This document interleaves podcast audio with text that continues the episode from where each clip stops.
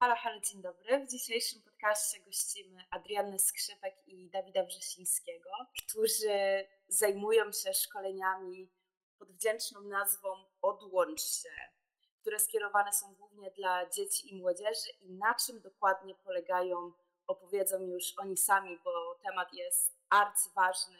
Mianowicie chodzi o to, żebyśmy z głową, z rozsądkiem korzystali z dobrodziejstwa, jakim jest telefon i szeroko pojęte social media. Co kochani, opowiecie na czym dokładnie polega Wasz projekt?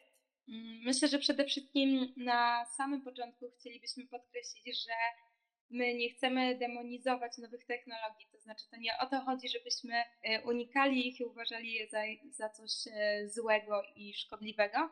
Po prostu staramy się uwrażliwić na niektóre kwestie związane z bezpieczeństwem z, i z higieną korzystania z tych urządzeń. Czyli właśnie nie, nie, nie próbujemy mówić na naszych warsztatach, że technologia jest zła i nie powinniśmy z niej korzystać, tylko właśnie wskazujemy tą drogę i sposób, w jaki powinniśmy korzystać z urządzeń i z nowych technologii, tak, żeby nam wszystkim żyło się po prostu zdrowo i dobrze z nimi. No właśnie, wspomniałaś słowo higiena. A co jest po przeciwległym biegunie? Jakby co jest przeciwwagą, przeciwieństwem tej higieny i z czego wynika wasz projekt, tak na dobrą sprawę?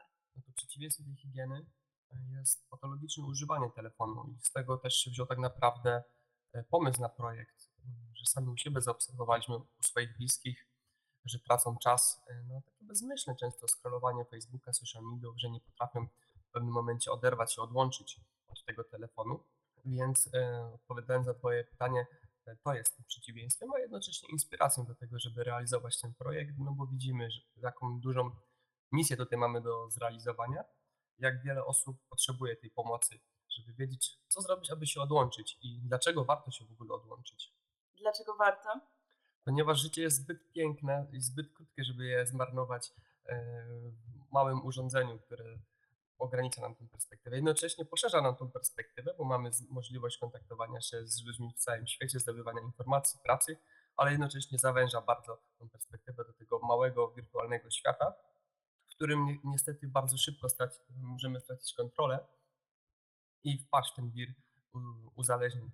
Niestety nasz mózg, a zwłaszcza mózg e, młodych osób, e, nie jest odporny na tak wysoki zalew dopaminy, który nas e, dotyka w czasie używania social mediów, więc my staramy się po prostu pokazać, co tracą i jak ten czas można efektywnie wykorzystać, jak po prostu się odłączyć. Fajne jest właśnie też to, że na tych warsztatach rozmawiamy o sieciach społecznych i po prostu w momencie, kiedy ktoś z naszej sieci, gdzieś z naszych bliskich osób się uzależnia, to niestety on po prostu z tej sieci w taki pewien sposób zostaje odciągany, on z niej trochę wypada. Te więzi się strasznie osłabiają wtedy i, i właśnie przed tym przestrzegamy, że, że te więzi nas trzymają razem i po prostu dzięki temu nasze interakcje stale trwają Natomiast w momencie, kiedy ktoś się uzależni, to, to on po prostu tę więź regularnie osłabia i wypada z niej i przez to jeszcze głębiej się uzależnia, więc po prostu jedno jest to, że osłabia te więzi, które ma, nie otwiera się na nowe prawdopodobnie, no i przez to wiele traci. My też właśnie y, mamy tam taki moduł, który dotyczy tego, co mogę robić bez telefonu i, i, i rozmawiamy w ten sposób. No, jest to ciekawe, że właśnie na przykład obecnie dzieci nie wpadają na przykład na to, że można pograć w planszówki. Ja na przykład z moją kuzynką regularnie gram w Scrabble i uważam, że to jest świetna rozrywka. Nie, no wiecie o co mi chodzi. Po prostu, że yy, gdzieś te rozrywki, które są bez nowych technologii, one nie są może tak często popularne wśród młodych ludzi i szkoda po prostu. Czy moglibyście nakreślić, kiedy zaczyna się uzależnienie od telefonu i social mediów? Jakie są oznaki tego? i kiedy sami powinniśmy zacząć odczuwać dyskomfort, że coś jest nie tak i że następuje swego rodzaju przesada. E, ja to mogę powiedzieć od siebie, że to jest ciężko znaleźć e, takie jednoznaczną e, granicę, ponieważ każdy człowiek jest inny, u każdego ta granica uzależnienia będzie w innym miejscu. Niemniej jednak możemy wymienić kilka takich alarmujących objawów, które mogą świadczyć o tym, że jakiś problem tam zachodzi. Ja przede wszystkim myślę w swoim doświadczeniu, więc tutaj najłatwiej mi jest się dzielić e, z tym, co ja u siebie obserwuję, co doprowadza do, do tego, że e, odinstalowuję wszystkie social media i włączam e, szary ekran, dzieje się to w momencie, e, kiedy impulsywnie zaglądam do telefonu, nie wiem po co, nie wiem co chcę e, nim sprawdzić. E, w momencie, kiedy scrolluję social media, też nie wiem po co, nie wiem dlaczego, nie wiem co chcę tam zobaczyć, nie wiem czego szukam. I kiedy zamiast 10 minut mija mi godzina na tym. To są takie naprawdę już nawet nie sygnały ostrzegawcze, ale bijące dzwony alarmu, że coś się dzieje nie tak. I po takim czymś, jak tylko się spostrzegę, że coś takiego robię, od razu. Aktualnie od dwóch miesięcy nie mam, e, nie mam Facebooka, nie mam Instagrama na swoim telefonie i chyba jeszcze przyjdzie czas na wyłączenie kolorów e, w telefonie, bo dalej coś w nim szukam, ale teraz to chyba przez pracę, bo ciągle tego maila sprawdzam, ciągle gdzieś zaglądam, ale już wiadomo, jak już pierwsza dawka dopaminy pójdzie, to już człowiek jakoś wpada w ten wir i nie może się od niego oderwać, więc Panie to uważam, że to są takie już alarmy, że faktycznie coś się dzieje niedobrego i że powinniśmy coś z tym zacząć robić. No natomiast kiedy na przykład jako rodzice chcemy zwrócić uwagę na to, kiedy dziecko może być uzależnione, no to myślę, że takim poważnym objawem jest agresja, która może się pojawić w momencie, kiedy na przykład zabierze się dziecku telefon czy tablet, y, albo po prostu wskaże się jakiś czas, y, kiedy będzie zabrany i właśnie pojawia się złość, pojawia się agresja, przemoc, no to, to jest też jakaś alarmująca sytuacja. Wspomnieliście tutaj dwa naukowe terminy, mianowicie dopamina i uzależnienie behawioralne, bo do takiego zalicza się fonoholizm. Czy moglibyście wyjaśnić, jak właśnie dopamina działa na nasz mózg i dlaczego tak dużo dostajemy jej poprzez korzystanie z telefonu? Okej, okay, no to ja spróbuję z tą dopaminą w takim razie. No, dopamina jest to neuroprzekaźnik, zwana też jest hormonem szczęścia, ponieważ e, ona odpowiada za uruchamianie naszego układu nagrody. W momencie, kiedy robimy rzeczy, które pierwotnie sprzyjały naszemu przetrwaniu, czyli to na przykład jedzenie posiłku, przedłużenie gatunku, czy różne rzeczy, które mają e, sprzyjać naszemu przetrwaniu, wtedy nasz mózg wytwarza w naszym ciele właśnie tę dopaminę. Ona uruchamia nasz układ nagrody, zwany też układem przyjemności, który właśnie nagradza nas tą przyjemnością i my dostajemy sygnał rób to, powtarzaj, to jest dobre, to sprzyja Twojemu przetrwaniu. Za każdym razem, kiedy będziesz to robił, e, ja będę Cię nagradzał tą przyjemnością. Problem z e, współczesnymi uzależnieniami, na przykład z narkotykami, z alkoholem, czy właśnie z fonoholizmem, polega na tym, że one również w momencie ich użytkowania wyrzucają, w czasie ich użytkowania nasze ciało wyrzuca ogromne ilości dopaminy, które działają w ten sam sposób. Uruchamiają nas układ nagrody i nasz układ nagrody dostaje sygnał rób to, powtarzaj, to jest dobre, to sprzyja Twojemu przetrwaniu. Za każdym razem, kiedy będziesz to robił, ja Cię będę nagradzał e, tą przyjemnością, więc człowiek automatycznie będzie wracał do tych czynności.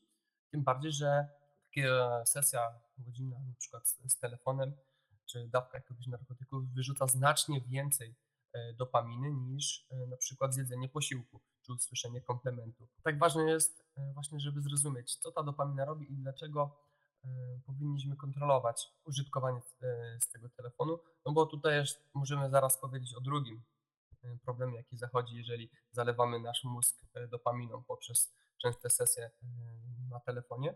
Kiedy tej dopaminy jest za dużo, kiedy jej stężenie jest zbyt wysokie i utrzymuje się zbyt długo na wysokim poziomie, nasz mózg zaczyna się bronić. Jest to dla niego stan nienaturalny i wyłącza nam receptory dopaminowe, które powodują, które odpowiadają za wyłapywanie tych cząsteczek E, dopaminy. To powoduje, że my po prostu nie odczuwamy już takiej samej przyjemności jak kiedyś. Potrzebujemy więcej e, dawek tej dopaminy, żeby poczuć się tak samo szczęśliwi, tak samo przyjemnie jak wcześniej. No to często możemy tu u e, w siebie, ale też u naszych bliskich, czy nawet my na warsztatach wśród uczniów zaobserwować ich pewne znudzenie, ich pewne takie, no mnie już nic nie cieszy, nie jest w stanie mnie nic zaskoczyć, ja już wszystko widziałem w tym internecie ja już tyle tej dopaminy w życiu przyjąłem, że ja mam tak wycinane receptory dopaminowe, że jedyne co mi zostało to chyba jakiś, e, jakaś silna kokaina, żebym mógł e, wyrzucić e, tej dopaminy, żeby mój mózg mógł na nowo to odczuć. Więc tutaj jest dlatego takie duże zagrożenie. Wydaje mi się, że a propos tego znudzenia publiki, możemy też dodać dekoncentrację jako bardzo ważną rzecz, która też jest skutkiem nadmiernego korzystania z telefonu. Myślę, że też właśnie umiejętność regeneracji i to, jak wpływa to na przykład na nasz sen, no to też właśnie wpływa później na to, że na przykład jesteśmy senni w ciągu dnia, bo po prostu nie potrafimy już korzystać z tej nocy tak, jak wcześniej korzystaliśmy. zaburzamy to, w jaki sposób melatonina działa w naszym ciele. Używamy telefonu bezpośrednio przed snem, no wiadomo, że jakby chodziło o to, żeby nastawić budzik na jutrzejszy dzień, no ale przy okazji przejrzę kilka rzeczy i powiadomień, które mi mignęły. No i w ten sposób się rozbudzamy tylko na nowo i ta senność, którą czuliśmy wcześniej, zupełnie nam przemija. Były takie historie faktycznie wśród y, uczniów, z którymi właśnie pracowaliśmy, że, że potrafią na przykład obudzić się w środku nocy i scrollować sobie TikToka i później wracać znowu do snu. Więc to się faktycznie zgadza, y, funkcjonuje to w ten sposób. No i totalnie zaburza nasze funkcjonowanie, przecież wpływa na wszystko, bo sen, szczególnie sen w tak młodym wieku, no jest po prostu niesamowicie ważny. Chciałam jeszcze tylko wspomnieć o tym, że dzieci y, szczególnie mają później problem z nauką na przykład nowych rzeczy, ponieważ nie zapamiętują ich na bieżąco. To też właśnie dlatego, że się po prostu nie wysypiają i no wiadomo, że takie zaległości, które gdzieś e, zaczną występować tak wcześnie, później się strasznie gromadzą i prowadzą do kolejnych frustracji, do kolejnych problemów. Tutaj ja też jestem zobowiązany od razu powiedzieć o przyczynie tego e, stanu, dlaczego w ogóle jesteśmy e, mamy problemy ze skupieniem się po sesjach e, w telefonie. Tu też musimy sięgnąć trochę do struktury naszego mózgu i do mechanizmów, które nim rządzą, a mianowicie człowiek ma coś takiego w, nasz, w swoim mózgu jak mechanizm walki uciekaj. Ten mechanizm ma mu też pomóc przetrwać. Uruchamia on się pod wpływem bodźców zewnętrznych. Na przykład leci gałąź na ciebie, no to twój mózg reaguje, że musisz e, uciekać. Nawet o tym nie myślisz. E, Leci rozpędzony w ciebie samochód, robisz to samo. Słyszysz gdzieś e, jakiś hałas, tak samo reagujesz. Nawet o tym nie myślisz.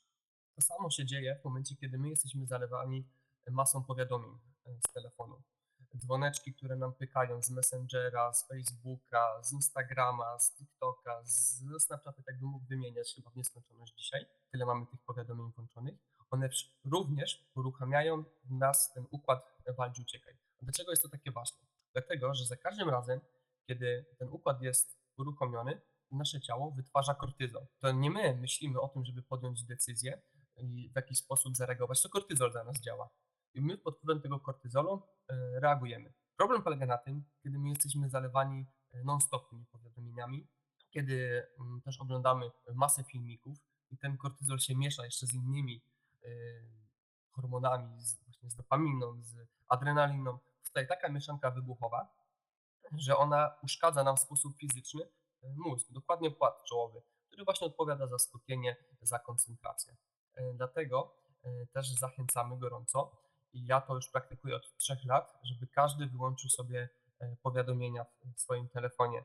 Jest to bardzo dobry sposób, żeby zadbać o swoje zdrowie i żeby też mniej czasu korzystać w telefonie, bo wtedy sięgamy po niego, kiedy my chcemy, a nie wtedy, kiedy on nas woła. Zdecydowanie podpisujemy się pod tym i apelujemy też do naszych słuchaczy, żeby zdecydowali się na to, dlatego że no, przy takim nadmiarze bodźców jeden krok do zwariowania. Czasem naprawdę można odnieść takie wrażenie.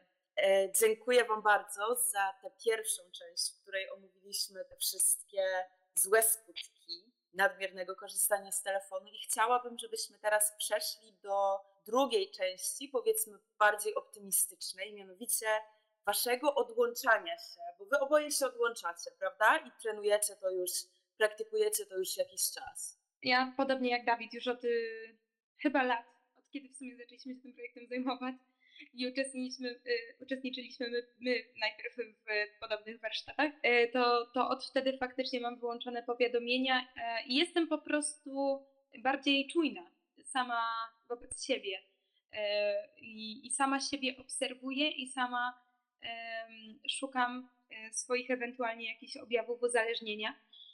Nie postawiłabym siebie dzisiaj za wzór i nie powiedziałabym, że ja korzystam tylko umyślnie i tylko wtedy, kiedy potrzebuję z tego telefonu. Zupełnie nie. Mam ten czas bez telefonu, który bardzo lubię i bardzo szanuję i robię go zupełnie świadomie, to znaczy, że zostawiam go w zupełnie innym pomieszczeniu albo wychodzę w ogóle na zewnątrz bez niego.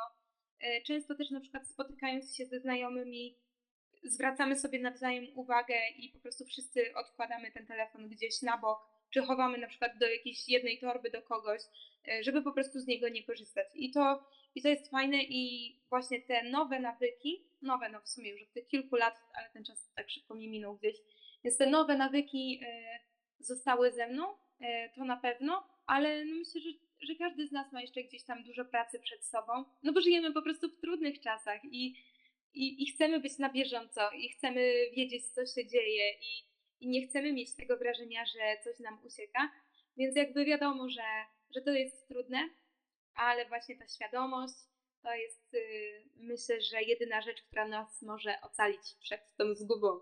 Czyli jako pierwszą zasadę higieny i zdrowego korzystania wymienilibyśmy czujność, czyli narzucanie sobie pewnego rodzaju dyscypliny na to, jak się zachowuje i obserwuje swoje zachowania. Ale powiedziałaś też bardzo ważną rzecz, że zwracacie sobie na to uwagę ze swoimi znajomymi nawzajem.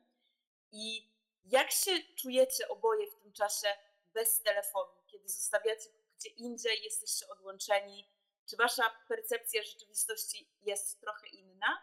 Myślę, że, że na pewno patrzenie na świat w ogóle przez, y, przez ekran telefonu, czyli właśnie czemu by tu zrobić zdjęcie albo co by y, tutaj wyszukać dodatkowego, zmienia naszą perspektywę patrzenia na rzeczy. Nie pozwala nam się tak skupić na pewnych detalach, które moglibyśmy na co dzień zauważyć.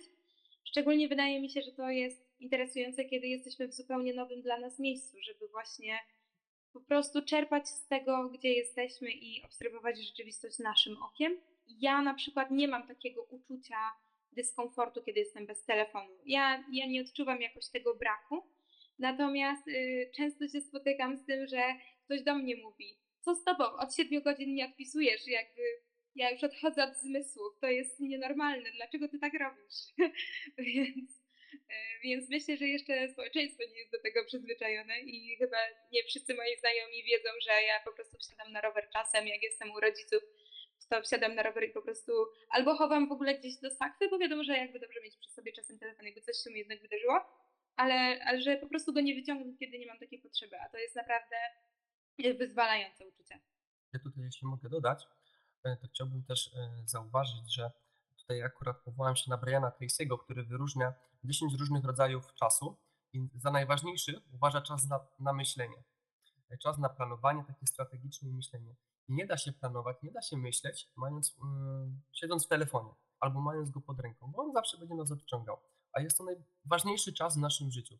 To w nim podejmujemy tak naprawdę wszystkie strategiczne decyzje, to w nim planujemy swoją przyszłość, yy, swoje jakieś bliższe lub dalsze plany, więc yy, mając ten telefon pod ręką, nie jesteśmy w stanie tego zrobić. Już jesteśmy upośledzeni o ten najważniejszy czas, który mamy do yy, zrealizowania. Powinniśmy go codziennie praktykować. Codziennie sobie powinniśmy wygospodarować chociaż te 20-30 minut na, na, na, myślenie po prostu, e, co ze sobą zrobić. No i tutaj też ode mnie drugi taki e, też podzielenie się doświadczeniem, e, że ja często odkładam ten telefon najczęściej jak jestem u siebie na wiosce. Jak idę w mój traktor, idę do moich pszczółek, to wtedy jestem cały dzień nieosiągalny. Ale najgorsze jest wtedy wrócić właśnie, tak jak Ada mówi, do tego telefonu, zaraz, czemu nie odbierasz? Tutaj się pięć projektów wali, no jesteś potrzebny i no, się kończy odrywanie, więc e, tak jak Adam mówi, tutaj może jeszcze nie do końca e, ludzie dojrzeli do tego, że faktycznie e, należy tak odłączyć się do swojego własnego zdrowia. Wydaje mi się, że bardzo ważnym aspektem postrzegania czasu, jak zauważyłeś, jest też to, że tak często będąc na telefonie, jesteśmy trochę w równoległych światach. Tu trochę na Instagramie w Afryce, tutaj na TikToku gdzieś w Azji, tutaj oglądamy swoich znajomych sprzed 10 lat, plus być może zazdrościmy komuś, kto już jest 100 kroków rozwojowo przed nami. Jak ta sprawa ma się do tego, że dobrze jest być present, czyli obecnym? Warto powiedzieć, że polskie społeczeństwo jest aktualnie jednym z najbardziej zakompleksionych społeczeństw w Europie E, szczególnie to dotyczy młodych dziewcząt i po prostu kiedy my żyjemy cudzym życiem, kiedy notorycznie obserwujemy cudze idealne przecież życia na Instagramie, powoduje to depresję, kompleksy i bardzo złe postrzeganie siebie. Badano w ogóle teraz e, właśnie, kiedy dziewczyny pierwszy raz się porównują do modelek na Instagramie i to nie jest e, wiek późnego dojrzewania, to jest 10 lat, to jest 11 lat i takie dziewczynki już mają kompleksy i one już siebie porównują do modelek na Instagramie. I one chcą wyglądać jak one. Kiedy mierzysz się z tak trudnym czasem w swoim życiu, jakim jest dojrzewanie, i psychicznie, i fizycznie, i jeszcze jest to potęgowane przez te idealne obrazki z Instagrama, to naprawdę robi się potworne uczucie y, wewnątrz tego młodego człowieka, więc to jest bardzo ważne, żeby po prostu mieć też pewną świadomość, że to, co my obserwujemy w tych social mediach, to jest po prostu wykreowana osoba i po prostu, że tak nie wygląda życie. Kiedy my regularnie po prostu sprawdzamy, co słychać u kogoś, obserwujemy, e, jak się potoczyły losy naszych znajomych, no to właśnie mniej korzystamy z tego swojego życia i, i właśnie popędzamy się w jeszcze większe kompleksy i po prostu zamiast żyć swoim życiem, to, to tylko właśnie powodujemy jeszcze większe kompleksy, jeszcze większą depresję.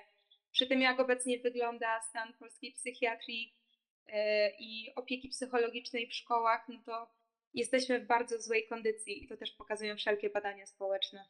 Chciałabym zauważyć, że my jako dorośli mamy swego rodzaju narzędzia i doświadczenie, żeby jednak wykazywać się rozsądkiem i właśnie zdyscyplinować się Natomiast dzieci czy nastolatkowie jeszcze tej umiejętności nie mają. Co polecacie robić rodzicom, żeby ustrzec naprawdę nieletnich przed uzależnieniem od telefonu i social mediów? Ja tutaj niestety, ale się nie mogę zgodzić. Często jest tak, że jak idziemy do szkół, dzieciaki same wiedzą, że mają problem z uzależnieniem, że za dużo spędzają tego czasu, ale co nam mówią? Mówią, że no rodzice w domu nie mają czasu nawet im poświęcić chwili przez to, że siedzą w telefonie, e, a dobra, weź mi, nie zawracaj głowy, weź sobie telefon i się tam pobaw.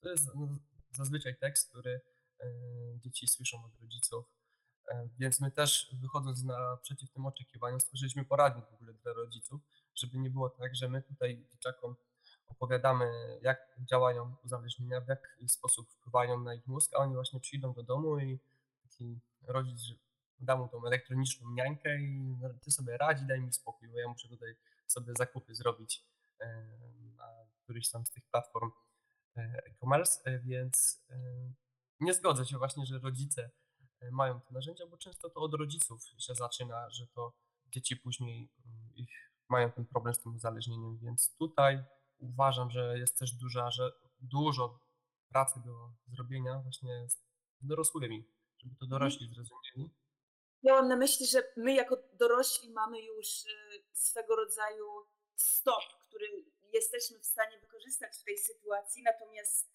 e, oczywiście zgadzam się z Tobą, że dla wielu rodziców może to być po prostu bardzo wygodny sposób zajęcia swoich dzieci. Ale gdzie taki poradnik można znaleźć i co w nim jest? Poradnik można znaleźć na naszych warsztatach. Rozdajemy go do każdych e, warsztatów, każdemu dzieciakowi, który jest na naszych warsztatach. W poradniku jest y, pokazany cały proces uzależnień behawioralnych, y, jak zadbać o higienę snu, higienę cyfrową, w jaki sposób stosować profilaktykę uzależnień, no i takie podstawowe skutki uzależnień oraz gdzie szukać pomocy, kiedy już faktycznie nasze dziecko wpadnie w ten wir uzależnień behawioralnych. Jakie są skutki Waszych warsztatów? Czy ludzie opowiadają Wam później, że rzeczywiście skorzystali z tej wiedzy, którą im przekazaliście i z tych sposobów, które polecacie? Praca z tak młodymi ludźmi, z jakimi pracujemy, jest e, wdzięczną pracą, bo my po prostu już pod koniec tych warsztatów widzimy, że oni są podekscytowani tym tematem i że oni faktycznie na przykład od razu wyciągają telefon i wyłączają te powiadomienia i oni faktycznie mają taką chęć, że, że chcą coś zmienić. Ale też to, że właśnie wielu z nich wtedy na warsztatach mówi te słowa, że, że tak, że ja mam taki problem, a dostrzeżenie problemu w sobie to jest początek tej drogi, która prowadzi do, do ewentualnej zmiany. Więc jeśli my rozmawiając z nimi razem, rozmawiamy o tym, kto w klasie ma jaki problem, i oni przed sobą nawzajem i sami przed sobą potrafią to powiedzieć, to to jest bardzo ważny krok w właśnie takim leczeniu uzależnienia, czyli samo zauważenie problemu. No i to, że właśnie od razu zmieniają jakieś rzeczy w swoim życiu takimi małymi krokami, które na początku mogą wydawać się błahe, ale widocznie jest w nich jakieś to ziarno, że, że coś się wydarzyło, że oni faktycznie czują, że to, że to jest fajna sprawa, że warto po prostu. No bo rzeczywiście każda zmiana zaczyna się od zasiania ziarna, że coś jest nie w porządku i że coś można by było zrobić lepiej, prawda? Tak, że można inaczej po prostu i można lepiej. Tak, dokładnie o to chodzi, że wiadomo, że jakby wszyscy sobie żyjemy na co dzień i, i może mamy jakieś momenty głębszych refleksji, ale dużo rzeczy robimy po prostu z nawyków i, i tak to wygląda. Więc ten taki moment, o właśnie ten czas y, na myślenie, o którym Dawid wspomniał, że oni na, na tych warsztatach mają czas myślenia, czas refleksji. I że oni wyciągają właśnie jakieś wnioski wtedy dla siebie. To jest bardzo ważne. Gdybyś mogła zebrać to wszystko, co już powiedzieliśmy i powiedzieć naszym dorosłym jednak słuchaczom cztery najważniejsze punkty, jak zacząć odzwyczajać się od telefonu. To przede wszystkim trzeba wyłączyć powiadomienia. To jest pierwsza rzecz, od której trzeba w ogóle zacząć. Tu nawet nie chodzi o walkę z uzależnieniami, tu po prostu chodzi o zdrowe podejście do telefonów. Wyłączcie wszystkie powiadomienia w telefonach, nie są wam do niczego potrzebne. To jest wyłącznie narzędzie e, twórców aplikacji do tego, żeby przyciągnąć Waszą uwagę i zmonetyzować ją później e, w postaci reklam. E, druga rzecz, jeśli faktycznie macie problem już taki, że nie jesteście w stanie kontrolować tego, to wyłączcie kolory. Szary ekran w telefonie powoduje, że tej dopaminy uwalnia się mniej i jest to nie jest tak atrakcyjne dla mózgu ten telefon, więc po prostu nam się szybciej nudzi. Trzecia rzecz, polecam ustawić sobie higienę cyfrową, aby monitorować swój czas spędzony na telefonie i ograniczyć go po prostu do niektórych e, aplikacji, zwłaszcza do e, takich zjadaczy czasu i tych wyrzucaczy e, dopaminy, jakim jest TikTok, Instagram i Facebook. No i na końcu ostatnia rzecz, o której ja myślę, która jest też ważna w kontekście samej higieny, no to ograniczyć korzystanie z tego telefonu na chociaż godzinę przed pójściem spać, aby właśnie zadbać o swój sen. Bardzo wszystkim słuchaczom polecamy wprowadzenie tych zdrowych zmian, bo na koniec powiemy jeszcze teraz o czterech nagrodach, które jako ludzie dostajemy przez to, że uda nam się te zapędy do uzależnienia zwalczyć. No, największą korzyścią to jest w ogóle ten czas, który, który zyskujemy, a który codziennie marnujemy. Po prostu chyba największa nagroda, jaką możemy zyskać. Przecież dla nas wszystkich, yy, myślę, że, że rozmawiając w tym gronie, to możemy się opowiedzieć, że dla nas wszystkich po prostu ta doba jest no ciut przykrótka i tyle rzeczy chciałoby się zrealizować, tyle rzeczy chciałoby się zrobić, a po prostu zawsze brakuje na to, na to chwili. Więc zyskujemy przede wszystkim ten świetny, wolny czas, który możemy wykorzystać w dowolny dla nas sposób. Możemy spróbować czegoś nowego, nauczyć się czegoś nowego i możemy po prostu pielęgnować też relacje i więzi rodzinne czy przyjacielskie. I to jest rzecz, w którą zawsze warto inwestować i która jest po prostu wielką nagrodą, jeśli mamy grono ludzi, z którymi możemy spędzać wolny czas. Przede wszystkim zdrowie. E, stosując się do tych rad, których Wam powiedziałem, no to zyskacie umysł jak brzytwę, to znaczy nie będzie on e, bombardowany tą dopaminą, nie będzie bombardowany kortyzolem. Tu już macie dwie korzyści, co powoduje, że będziecie po prostu e, no, bardziej większą zdolność do koncentracji, do skupienia się. Nie będziecie odczuwać jakiegoś znudzenia, po prostu będziecie szczęśliwszymi ludźmi. No i jeżeli będziecie ograniczać użytkowanie telefonu przed samym snem, no to będziecie się po prostu lepiej wysypiać, więc nie wiem, czy kogoś trzeba bardziej e, przekonywać do zastosowania się do tych e, rad, niż po prostu wygranie życia i zdrowia swojego. Możemy powiedzieć, tak jak nazywa się mój podcast, wszystko się da, prawda? Da się tego nauczyć i da się z tego w fajny sposób korzystać. No zupełnie się da i, i to nie jest trudne, bo właśnie taka metoda krokami i i takim stopniowym odkładaniem tego telefonu jest naprawdę metodą prostą i, i dobrą i też kiedy zaczyna się widzieć faktycznie te skutki i po prostu zaczyna się czuć dobrze bez tego telefonu, to już przychodzi coraz łatwiej z każdym takim kolejnym razem. Ja też mogę się zgodzić, że wszystko się da. Kwestia ułożenia sobie dobrego planu i wypracowania dobrych nawyków. Bo jak mówił Brian Tracy, mamy dobre i złe nawyki. Jedne nas ciągną do góry, drugie ciągną nas do dołu. Więc pytanie, które my wybierzemy. Tak, ja, ja jestem tym człowiekiem, który w ogóle uważa, że jak się chce, to się da, więc wszystko się da, wystarczy po prostu naprawdę chcieć i, i to, co Dawid mówił, tymi właśnie dobrymi nawykami wypracować to sobie, bo to oczywiście nie spadnie nam samo z nieba, ale to jest wszystko osiągalne po prostu. I tych dobrych nawyków bardzo serdecznie Wam życzymy i życzymy Wam też ochoty i mocy do tego, żeby je wypracować. Dziękuję za uwagę. Ada, Dawid, dziękuję Wam. Dzięki.